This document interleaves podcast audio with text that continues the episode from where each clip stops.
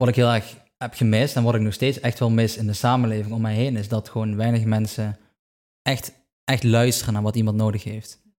Dus veel, veel, als, je, als je zegt van oké, iemand zegt van ik voel me niet zo goed, dan krijg je vaak direct een reactie van oh ja, je moet dit doen of je moet dit doen of, of dit. Dus iedereen gaat direct advies geven. Terwijl als je een stapje terug doet en gewoon even gaat vragen van oké, wat heb je nodig? In plaats van je moet dit doen.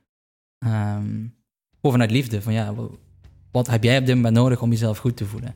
Dat heeft niemand mij ooit gevraagd. Welkom bij de Watch Your Story podcast. De podcast waarin onze sportieve gasten hun persoonlijke verhaal delen met jou.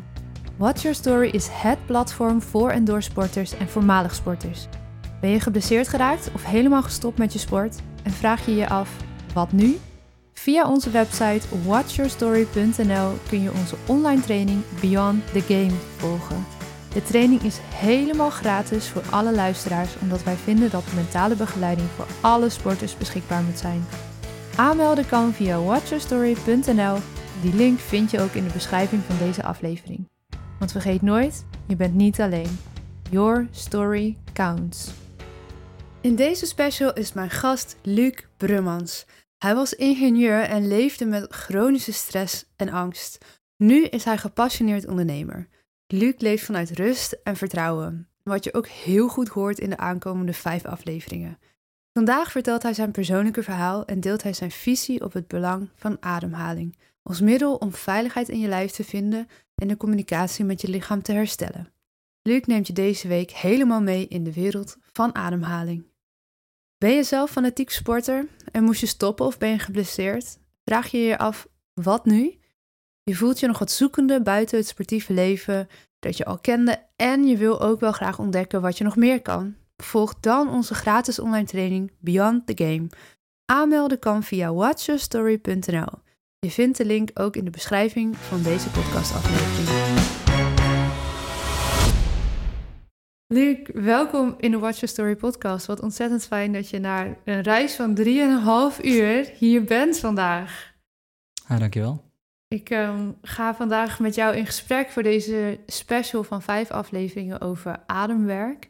En um, we gaan ook ons best doen. Ik kan het nog niet helemaal beloven nu ik dit zo uitspreek, maar we gaan ons best doen om ook um, met muziek een aantal mooie ademoefeningen voor jullie op te nemen voor vrijdag. Um, ja, dan gaan we helemaal aan het einde van vandaag gaan we dat uh, opnemen. En hopelijk kunnen jullie die vrijdag dan lekker luisteren, uh, jongens. Maar voor we zover zijn en voor we in jouw verhaal duiken, heb ik voor jou de vraag die ik iedereen altijd stel aan het begin van een podcastaflevering. Namelijk, Luc, wie is jouw grootste inspiratiebron? Ja, ik heb daar niet heel lang over na moeten denken. Um, ik ben vrij snel uitgekomen op mijn vriendin, mm -hmm. Marleen. En uh, ja, ik, er zijn natuurlijk heel veel mensen die mij geïnspireerd hebben in mijn leven. Waardoor ik op een bepaald niveau ben gekomen waar ik ben gekomen. Maar de, ja, de, de kracht en de liefde die zij, die zij vertoont en wat ze allemaal heeft meegemaakt, dat is groter dan ik ooit heb gezien. En uh, daarom is zij mijn ja, grootste inspiratiebron. Wat mooi, wat liefdevol. Ja. ja. Kan je een voorbeeld noemen van, van iets waarvan je dacht, oh jeetje, daar heeft ze me echt geïnspireerd tot iets of het zijn van iemand? Um, nou, het was eigenlijk al vrij snel in het begin van toen we elkaar ontmoeten, ik denk 2,5 jaar geleden, dat ze. Ehm, nou ja, ze heeft van alles meegemaakt in het verleden. Ze heeft twee burn-outs gehad en ze is nu 27. En ze is ja, best wel een onveilige omgeving opgegroeid. Niet per se thuis, maar vooral op school en zo. Uh, veel gepest. En ja, haar lichaam heeft wel een bepaalde vorm van onveiligheid ervaren in haar jeugd. En waardoor ze eigenlijk niet echt functioneert in de maatschappij, simpel gezien. Um, dus ze lukt haar gewoon niet om aan de slag te gaan met werk. En om eigenlijk te passen in het, in het leven van, van de maatschappij. Hoe we dat gecreëerd hebben met z'n allen. Ja, hoe we dat gecreëerd hebben. En, en ze heeft daar altijd heel veel moeite mee gehad.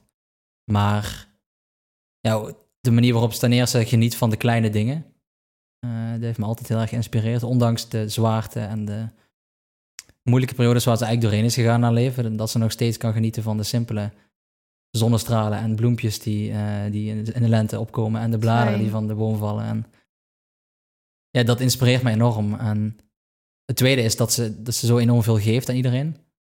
Terwijl ze eigenlijk, ze heeft geen geld en ze heeft geen baan. En op extern gebied ze heel weinig. Eh, maar vanuit haar hart geeft ze gewoon enorm veel. Eh, zonder iets terug te vragen. En dat heeft me altijd enorm geïnspireerd, omdat ik dat ook bij ja, niet heel veel mensen zo in dat, op dat niveau zie, zeg maar. Nee, Ja. dat is ook heel knap. Dat als hè, de omstandigheden van de maatschappij eigenlijk zo tegenwerken eh, hoe je bent, Hm. dat je dan nog zo liefdevol kunt blijven en kun, liefde kunt geven en de mooie dingen blijft zien. Ja, bewonderenswaardig. Ja, dat is Ja. heel mooi. Ja. En de raakvlakken met, eh, met jouw eigen leven, want ik heb je natuurlijk een beetje mogen leren kennen. Ehm, die hoor ik daar ook wel in. Kun je vertellen eh, iets meer over waar je zelf vandaan komt? Goeie vraag. Ehm, nou ja, ik, ik kom in principe uit een, zoals men zou omschrijven, een, een heel normaal eh, Hollands gezin. Ja. Een nuchter Hollands gezin. Mijn vader is opgegroeid als boer. Varkensbedrijf hebben we gehad. En mijn moeder is apothekersassistente. En ik was als kind altijd een enorm nieuwsgierig kind. Dus ik, dat, dat zegt mijn moeder en mijn vader zeggen dat nog steeds van. Ik was continu bezig met ehm, ja, vragen stellen. Dus waarom doe je dit? Of hoe, hoe werkt dit? Of, of waarom niet zo? Weet je wel? Zelfs als klein kind al. En dat viel heel erg op. En eigenlijk in mijn jeugd ben ik dat een beetje kwijtgeraakt. Ehm ik heb gewoon eigenlijk mezelf vanaf de middelbare school altijd ook onveilig gevoeld. En in de omgeving waarin ik zat, zelfs bij vrienden op school, ehm, ja, werd ik wel voor de gek gehouden en voelde ik me niet helemaal thuis. En ja, daarom werd ik nooit echt als... Ik voelde me nooit geliefd, zeg maar. Ook nooit gezien. En dat heeft ervoor gezorgd dat ik mezelf heel erg terug ben gaan trekken. Als een soort van het, het, het, grijze muis-syndroom. Mhm. Eh, waardoor ik mezelf ging verstoppen. En iedereen dacht, ja, Luc is zo. Luc die is nu eenmaal rustig. Luc is eenmaal stil. En dat, dat is niet zo. En ik was altijd heel nieuwsgierig en ik wilde juist gaan ontdekken wat, wat de wereld gaf en wat de wereld kan geven. Terwijl ik, ja, dat dus niet liet zien. En dat komt omdat ik een soort van zelfbeschermingsmechanisme is geworden van, oké, als ik mezelf niet laat zien, dan zal het wel oké zijn. Dat is dan nog het meest veilig. Dat is het meest veilige, ja. Ja. Dan word ik in ieder geval niet geraakt. Ja. Dat is wel een beetje gelijkenis ook met ja, waar mijn vriendin ook mee te maken heeft gehad. Ja, Ja. En als je nu terugkijkt op die periode, want er zijn natuurlijk in deze podcast veel sporters die luisteren, maar eh, ik hoop ook dat er steeds meer ouders en trainers en coaches hun Mhm. weg eh, vinden eh, naar onze afleveringen. Ehm, wat had jij misschien als kind daarin nodig gehad om dat nieuwsgierige aan te wakkeren in plaats van toch, ja, dan maar die grijze muis te zijn die eigenlijk dus helemaal niet wilde zijn? Ja, een stukje, stukje acceptatie, denk ik gewoon. En ook een stukje. Wat ik heel erg heb gemist en wat ik nog steeds echt wel mis in de samenleving om mij heen, is dat gewoon weinig mensen echt, echt luisteren naar wat iemand nodig heeft. Dus Veel, veel, als, je, als je zegt van oké, iemand zegt van ik voel me niet zo goed, dan krijg je vaak direct een reactie van oh ja, je moet dit doen of je moet dit doen of, of dit. Dus iedereen gaat direct advies geven. Terwijl als je een stapje terug doet en gewoon even gaat vragen van oké, wat heb je nodig? In plaats van je moet dit doen. Gewoon vanuit liefde. Van ja, wa- wat heb jij op dit moment nodig om jezelf goed te voelen? Ja. Dat heeft niemand mij ooit gevraagd. Wat een mooie vraag. Ja. Dat iedereen die, die nu hoort, neem hem eens mee je week in om te kijken of je tenminste één persoon een keer de vraag kan stellen: wat heb je nodig? Ja. Want soms is dat inderdaad meedenken naar een oplossing, maar soms is dat ook gewoon even gehoord worden en even je Ja. verhaal kwijt kunnen of Ja. nog heel iets anders. Ja, mooi. Hey, een sport, want jij eh, eh, bent natuurlijk niet zomaar ook met mij in contact geraakt, want jij hebt wel ook een sportieve achtergrond. Ehm, en vertelde daarover eerder aan mij dat, eh, ja, dat je daar ook eigenlijk last had van dat, nou ja, dan maar klein houden, Mm. spanning. Kun je ons daar meer over vertellen? Wat, wat was jouw passie in de sport? Ehm, ja, ook daarin was ik al vroeger een heel onrustig kind. Dus we leven natuurlijk op de boerderij, dus ja, ik, ik rende overal rond en ik was altijd bezig met onderzoeken en ontdekken. Dus ik Klinkt heerlijk. klinkt heerlijk, ja. ja ik, ik had echt die ruimte nodig om mijn energie kwijt te kunnen. Ja, Dus ik ben wel echt wel een persoon met heel veel energie. En ik denk dat dat kon ik altijd kwijt in de sport. Dat is voor mij ook waar sport echt om draait, is om op een speelse manier die energie kwijt te kunnen. Mm. Ehm, ja, dat. Je ging, eh, laten we het concreter maken, je ging voetballen. Hm. Ehm, maar hoewel je een groot talent was, is dat nooit helemaal van de grond gekomen, begreep ik van jou? Ehm, ik weet ook niet of ik een super groot talent was, maar ik, ik kon in ieder geval wel, ja, ik kon best prima voetballen. En ehm, Had je die ambitie om echt een goede voetballer te worden, of dat niet per se? nee, ik denk niet dat ik die niet eens durfde te hebben op, op, dat, op dat niveau, zeg maar. Kun je nagaan hoe diep dat zat dan Nou ja, ik, ik, ook. ik had ook altijd, kijk, voetbal vond ik wel leuk om te doen. En daar zaten ook al mijn vrienden op voetbal. En ik vond het een superleuke sport, want het omvat alles wat ik nodig had. Zowel tactisch als technisch als, als qua energie om dat kwijt te kunnen. Mhm. Maar op een of andere manier was ik ook daarvoor altijd, altijd zo zenuwachtig dat ik 's morgens ook op een gegeven moment niet meer kon eten.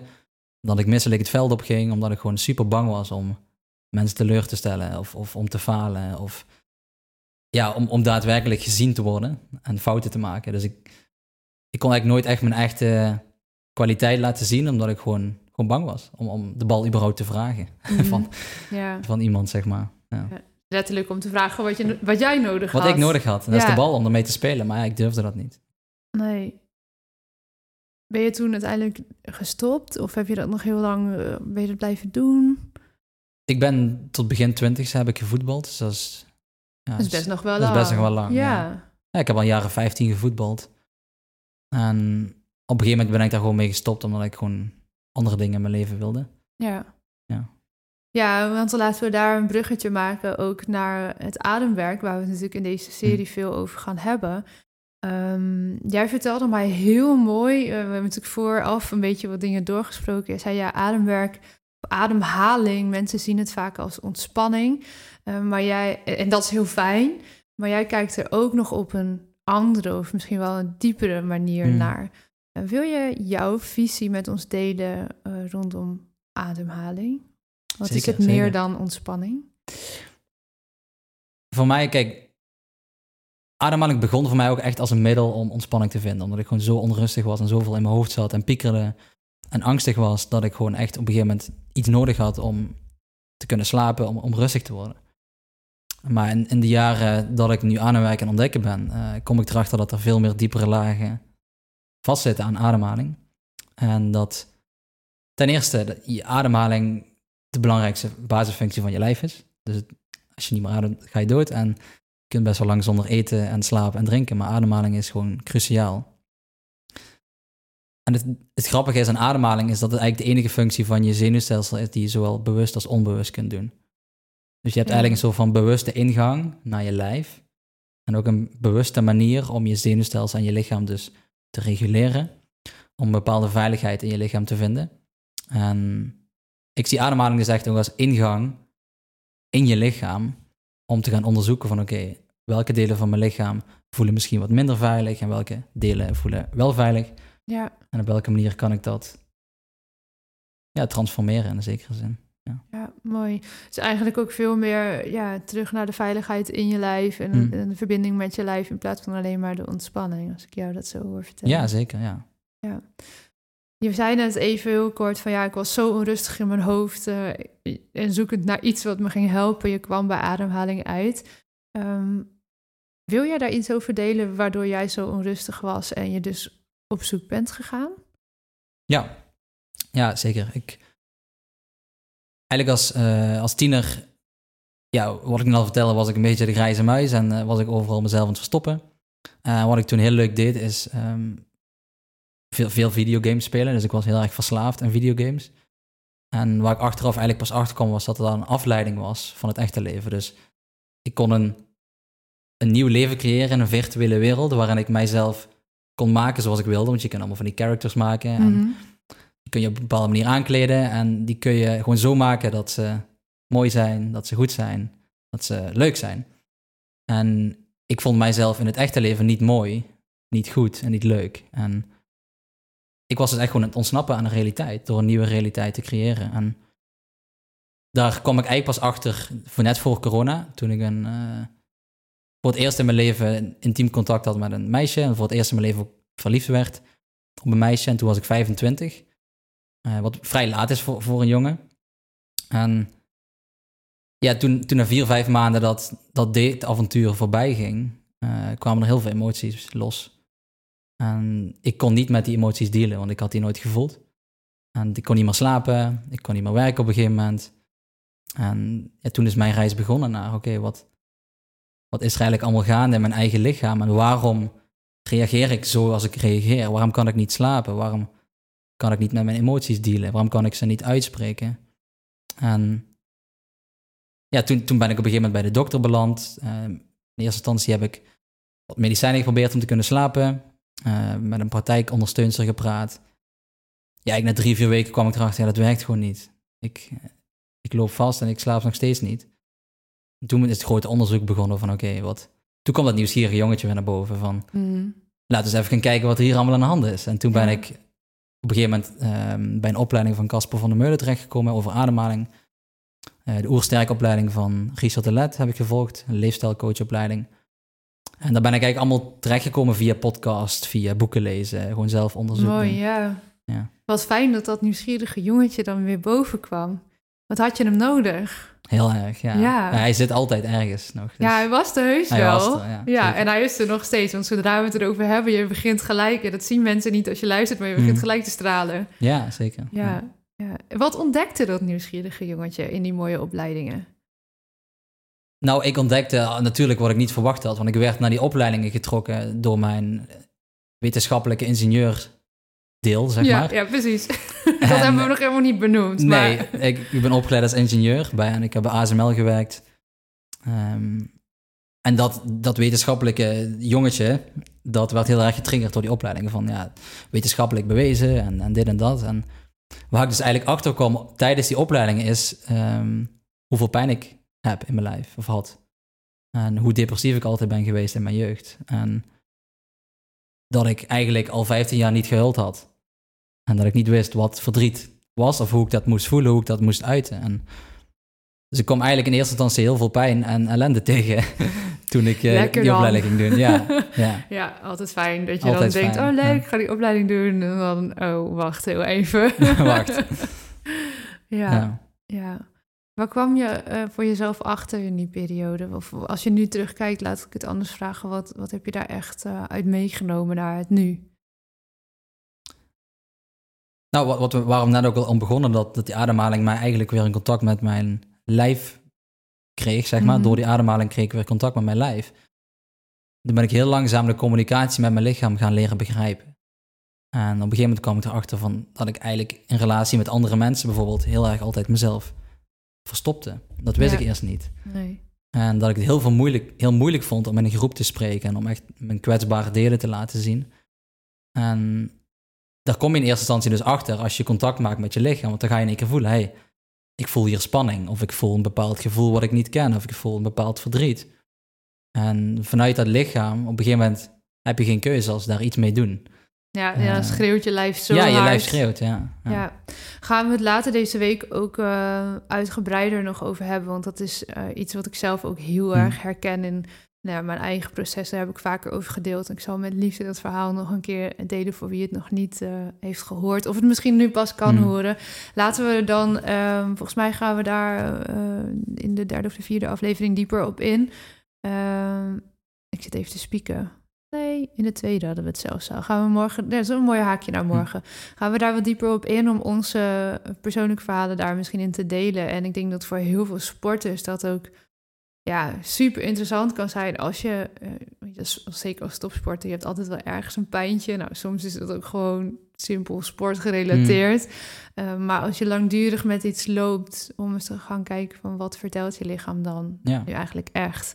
Ehm, ja, zullen we hem hier opknippen voor morgen voor onze luisteraars en dat we er dan verder uh, op ingaan? Wel prima. Top, doen we dat. En dankjewel voor vandaag. En um, ja, heb je geluisterd en wil je hier dus meer over horen? Ga dan zeker morgenochtend weer eventjes uh, inchecken en dan gaan we hier verder op in en delen we ons verhaal ook met jou. Dankjewel. Dankjewel voor het luisteren naar deze aflevering van de Watch Your Story podcast. Ben je sporter of misschien wel ouder, trainer, coach of bestuurder van een sportvereniging? We komen heel graag met je in contact. Wij geloven dat geen enkele sporter of voormalig sporter er alleen voor mag komen te staan op een kwetsbaar moment zoals een blessure, buiten een selectie vallen of helemaal stoppen. Leegte, verdriet, boosheid, teleurgesteld zijn en onbegrip voelen, het is voor heel veel sporters herkenbaar. Misschien ervaar je momenten van paniek, eenzaamheid, schaamte, angst, machteloosheid of je niet goed genoeg voelen. Het zijn allemaal emoties die heel logisch zijn en die je niet hoeft weg te stoppen. De toekomst of het leven dat je kende is weg, of het ziet er tijdelijk anders uit. Maar je sport was en is diep van binnen nog steeds jouw identiteit. Jouw verhaal doet ertoe. En daarom hebben wij met verschillende experts de online training Beyond the Game ontwikkeld. De training is helemaal gratis te volgen voor alle luisteraars, omdat wij vinden dat mentale begeleiding voor alle sporters beschikbaar moet zijn. Aanmelden kan via watchyourstory.nl en die link vind je ook in de beschrijving van deze aflevering. Dus vergeet nooit, je bent niet alleen. Your story counts.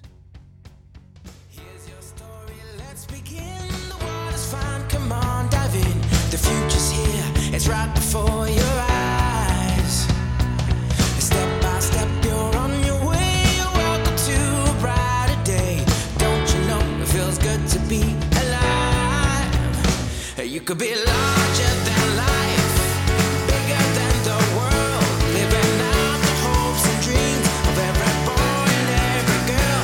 You could fly higher than the sky, shine brighter than the stars. You could have all you ever wanted, shoot the moon and reach for Mars. You know you could. Yeah, times are changing everywhere.